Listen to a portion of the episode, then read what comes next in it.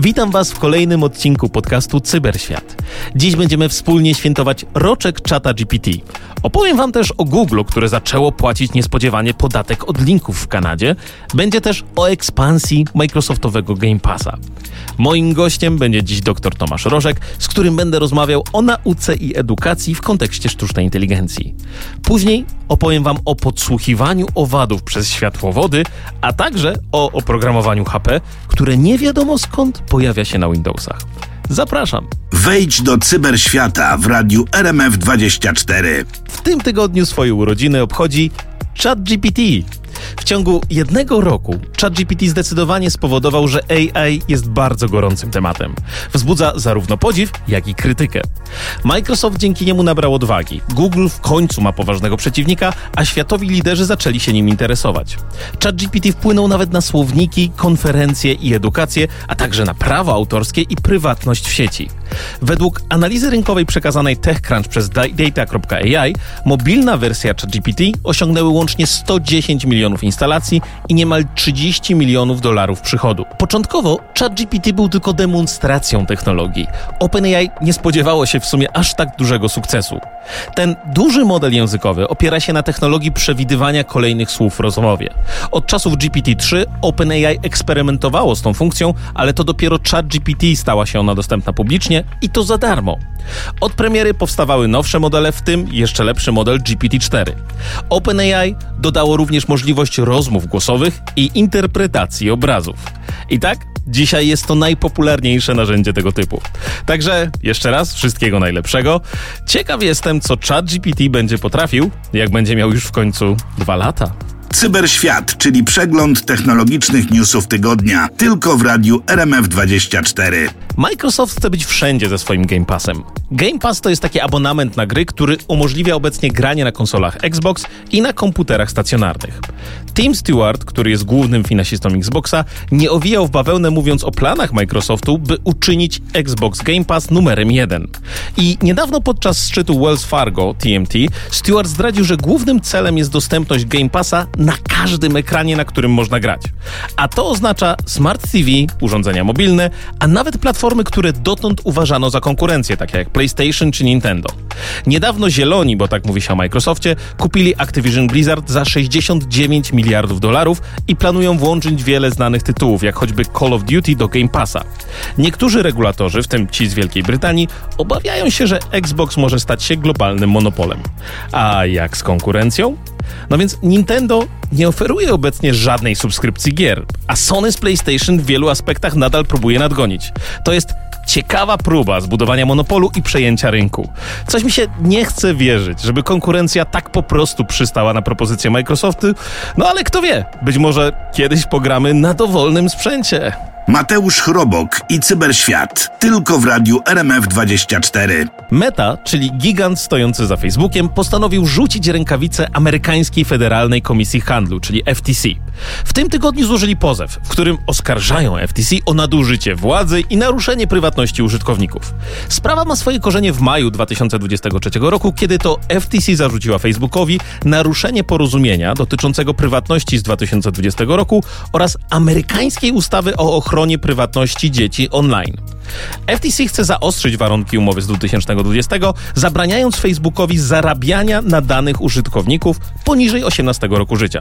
Prostymi słowami, przestańcie w końcu zarabiać na nieletnich. Meta kontratakuje, twierdząc, że FTC działa w sposób niekonstytucyjny, łącząc tym samym rolę prokuratora i sędziego. W ich opinii to narusza zasadę sprawiedliwego procesu. Pozew Mety spotkał się z krytyką ze strony m.in. demokratów. Reprezentant Franklin Pallone Jr. nazwał go żenującym, a senator Ed Murkey określił jako słabą próbę uniknięcia odpowiedzialności za niepowodzenia w ochronie prywatności dzieci w internecie. Federalna Komisja Handlu zaś odmówiła komentarza na temat pozwu. Brzmi to dla mnie absurdalnie, ale pewnie jest w tym jakaś logika działania ze strony mety. To są pewnie miliony, jeżeli nie setki milionów, które zostaną wydane na prawników.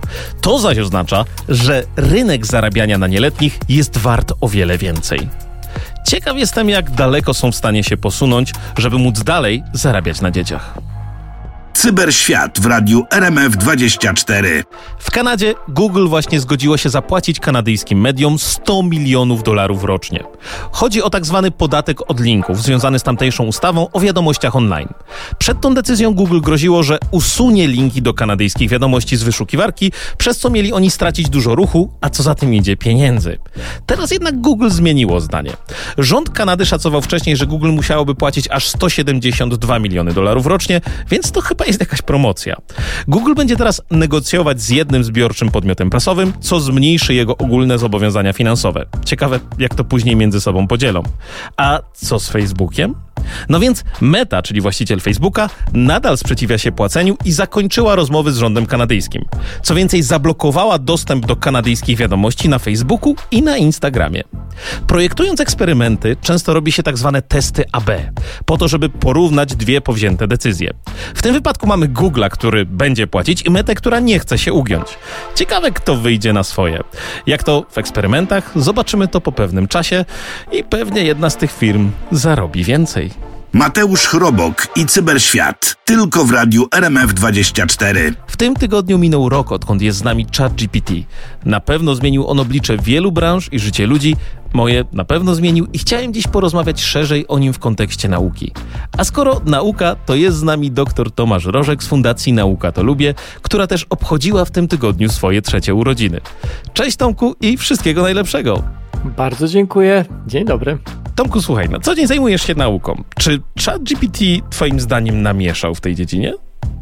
Namieszał z całą pewnością w dziedzinie naszego rozumienia technologii sztucznej inteligencji. Mówiąc naszego, mam na myśli na przykład siebie, osoby, która nie zajmuje się tym naukowo.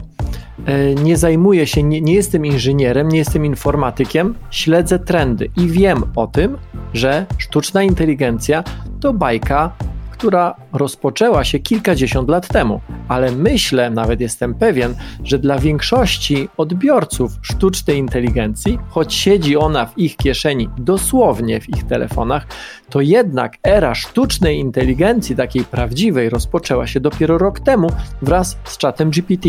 Więc tak, w tym sensie namieszał, że nagle całkiem spora grupa osób stanęła w miejscu i powiedziała: Wow, czyli ta sztuczna inteligencja to nie jest bajka przyszłości, tylko to jest tu i teraz.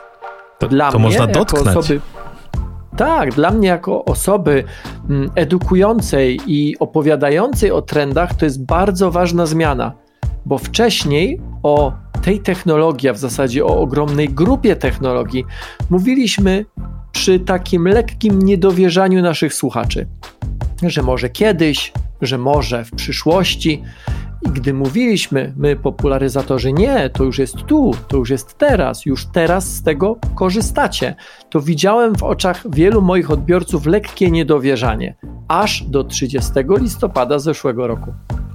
A powiedz mi, Tomku, czy z Twojej perspektywy coś się zmieniło w nauce właśnie dzięki tej technologii, czyli dzięki dużym modelom językowym? Zależy, co, o co pytasz konkretnie. Czy mówiąc, czy coś się zmieniło w nauce, masz na myśli proces edukacji, na przykład z punktu widzenia ucznia, młodszego czy starszego, czy z punktu widzenia nauczyciela, czy z punktu widzenia rozwoju nauki, czyli z punktu widzenia naukowca? Z punktu widzenia naukowca na razie. O edukacji porozmawiamy sobie może chwilkę później. Pomijam samych inżynierów informatyków, czyli tych, którzy są e, tymi, którzy stworzyli czy, czy tworzą modele językowe, mm, to myślę, że tak. Myślę, że całkiem spora grupa naukowców korzysta i myślę, że będzie korzystała z e, dużych modeli językowych. E, mam też nadzieję, że mają świadomość tego, że jest to narzędzie, jakkolwiek byśmy na nie nie patrzyli, jednak statystyczne. W związku z tym e, wiara i pełna ufność jest tutaj może być niebezpieczna. Natomiast myślę, że tak, myślę, że wyszukiwanie informacji, tak jak kiedyś to całkiem niedawna jeszcze, głównym narzędziem wyszukiwania informacji, także informacji naukowych, była wyszukiwarka internetowa, oczywiście mm, podpięta także do dużych i profesjonalnych baz danych naukowych, czy baz y, zawierających y, linki do konkretnych artykułów naukowych. Tak teraz modele językowe, w tym te, które się specjalizują mm, w konkretnej dziedzinie nauki, czy w konkretnych tematach, na przykład medycznych, że one, że one z dnia na dzień niemalże rosną. Tomku, a powiedz mi, czy na co dzień korzystasz z takich narzędzi? Do czegokolwiek? Na co dzień, jak mam chwilkę czasu, to czasami sobie z nimi piszę. Nie tylko z czatem GPT, ale z innymi modelami językowymi. I tak z czystej ciekawości, yy, nie chcę użyć słowa zabawy, po prostu testuję. Natomiast rzeczywiście od czasu do czasu yy, korzystam mając świadomość, że to narzędzie statystyczne, czyli nie traktując tego, co mm, ten język z siebie wydobędzie, jako prawdy objawionej. Tomku, czy edukacja ma sens, kiedy jest już sztuczna inteligencja? Powiedziałbym, że edukacja ma coraz większy sens właśnie dlatego, że jest sztuczna inteligencja pomijam grupę osób, w sumie dość wąską grupę, która mm, te mechanizmy tworzy, te technologie tworzy, to y, cała reszta z nas musi wiedzieć, jak ją wykorzystywać. Mm, gdybyśmy zapytali starożytnych Egipcjan, czy studiowanie architektury, uczenie się architektury, może geometrii ma sens, skoro potrafimy wybudować dźwig? To każdy dzisiaj złapałby się za głowę i by powiedział: Właśnie przez to, że mamy dźwig, to dopiero teraz możemy rzeczywiście projektować, budować. Oczywiście to jest taka analogia trochę, trochę mm, jakby to ująć, metaforyczna na pewno, ale, ale może trochę, trochę taka żartobliwa, ale mhm. coś w tym jest. Im potężniejsze narzędzie, tym bardziej, tym więcej czasu musimy poświęcić na to, żeby się go nauczyć, ale z drugiej strony, tym bardziej pozwala ono nam rozwinąć skrzydła i właśnie dlatego nauka ma sens to jest, to jest logiczne. A powiedz mi tak z perspektywy, bo mamy jeszcze te dwa elementy, które są związane z, związane z edukacją, czyli jeden z elementów jest związany z nauczycielami, a drugi jest związany z uczniami. Jak widzisz zmiany w tym zakresie? Jedni i drudzy mm, muszą, nie chcę używać słowa muszą, ale dobrze by było, gdyby zrozumieli, że to jest narzędzie. Yy, jeżeli dziecku damy młotek, albo nóż, albo śrubokręt, może sobie zrobić krzywdę. Jeżeli nauczymy je wykorzystywania tych narzędzi, to może robić wielkie rzeczy. I to jest wyzwanie zarówno dla nauczycieli, jak uczyć dzięki temu, jak uczyć przez to i jak mobilizować do nauki, mając właśnie takie narzędzia jak duże modele językowe, ale to jest także kwestia po stronie samego ucznia. No, oczywiście można spróbować y, śrubokrętem y, posmarować kromkę chleba i może jakoś tam to wyjdzie. Natomiast każdy, kto próbował albo chce spróbować, wie, że to jest bardzo mało skuteczny sposób, bo śrubokręt służy do czego innego. Więc to jest kwestia edukacji. I to dotyczy, mhm. no dzisiaj mówimy o sztucznej inteligencji, mm, wczoraj mówiliśmy o smartfonach. Ja pamiętam czasy, w których zastanawiano się, czy w szkole uczniowie powinni wykorzystywać kalkulatory, bo uważano, że y, powinniśmy umieć liczyć w słupku, mnożyć w słupku, dzielić w słupku, bo to rozwija. Tak, rozwija i dobrze jest to umieć, ale jednak dzisiaj wykorzystanie kalkulatora nie jest już żadnym takim elementem, który wzbudza emocje. Więc myślę tak, od tego, czy my będziemy używali, czy nie, na pewno ta technologia nie zniknie. Mhm. Ona jest i ona będzie. Jeżeli nie nauczymy, my dorośli, my nauczyciele, uczniów wykorzystywania jej, to oni i tak będą z niej korzystali, ale często w sposób nierozumny. Wydaje mi się, że dużo lepiej jest usiąść z tą technologią, zaprzyjaźnić się i zastanowić się, jak ją dobrze wykorzystać. A czy z Twojej perspektywy to jest optymizm? Bo tak słucham, że wiesz, skoro to są narzędzia, to, to są elementy, które są związane z tym, że cały czas się rozwijamy, mamy coraz lepsze możliwości działania, czy widzisz jakieś dobre zastosowanie czata GPT i innych tego typu technik w edukacji? To jest trochę tak. Czy to jest optymizm, pytasz? To jest realizm. Możemy stanąć na środku Wisły w Warszawie, wziąć dowolnie duży kij i próbować kijem Wisłę zawrócić. Albo możemy się nauczyć, jak wykorzystywać jej bieg w taki sposób, żeby rosnąć. Każda technologia pozwala nam rosnąć. Niektóre bardziej, inne mniej. Ale te, które mniej, zawsze mnie nachodzi taka refleksja, czy one uczą mniej, czy budują nas mniej, dlatego że takie są, czy dlatego, że nie poświęciliśmy wystarczająco dużo czasu, żeby je przeanalizować. Przeanalizować pod kątem właśnie odpowiedniego wykorzystania. Nie jestem badaczem tego, ale intuicja mi mówi, że tak właśnie jest, że, że od tego, czy my się nauczymy korzystać z jakichś narzędzi, zależy to, jak będziemy rosnąć. Pod każdym względem, niekoniecznie finansowym, ale także cywilizacyjnym, nie wiem, takim intelektualnym. Natomiast jeżeli nie poświęcimy odpowiednio dużo czasu na to, to te narzędzia nie znikną. One zaczną działać na naszą niekorzyść. Dlatego tak ważne jest w procesie edukacji jak najszybciej włączanie różnego rodzaju narzędzi, bo one nie znikną, one mogą działać przeciwko nam, a powinny dla nas. To był dr Tomasz Rożek z Fundacji Nauka to Lubię. Dziękuję Ci Tomku za całą Twoją działalność i dzielenie się wiedzą. Moim zdaniem zdecydowanie pozytywnie wpływasz na wzrost pokolenia, co mnie bardzo cieszy. Do usłyszenia. Do usłyszenia. Cyberświat w radiu RMF24. Użytkownicy Windowsów, zarówno tych w wersji 10, jak i 11, zgłaszają niespodziewane pojawienie się aplikacji HP Smart na swoich komputerach. Co ciekawe, nie posiadają sprzętu firmy Hewlett Packard. A to ci niespodzianka. Microsoft na razie milczy w tej sprawie, ale w mediach społecznościowych użytkownicy nie kryją zdziwienia. Jedna z osób na Reddicie napisała, że sprawdziłem i u mnie też się zainstalowało, mimo że nie mam sprzętu HP. Wprost można powiedzieć, że to jest bloatware. Ten termin, czyli bloatware, odnosi się do oprogramowania, które jest instalowane na komputerze lub też urządzeniu mobilnym przez producenta. Często są to aplikacje, które wielu użytkowników uważa za niepotrzebne albo wręcz niechciane. Aplikacja HP Smart sama w sobie w sumie jest nieszkodliwa i można łatwo ją odinstalować.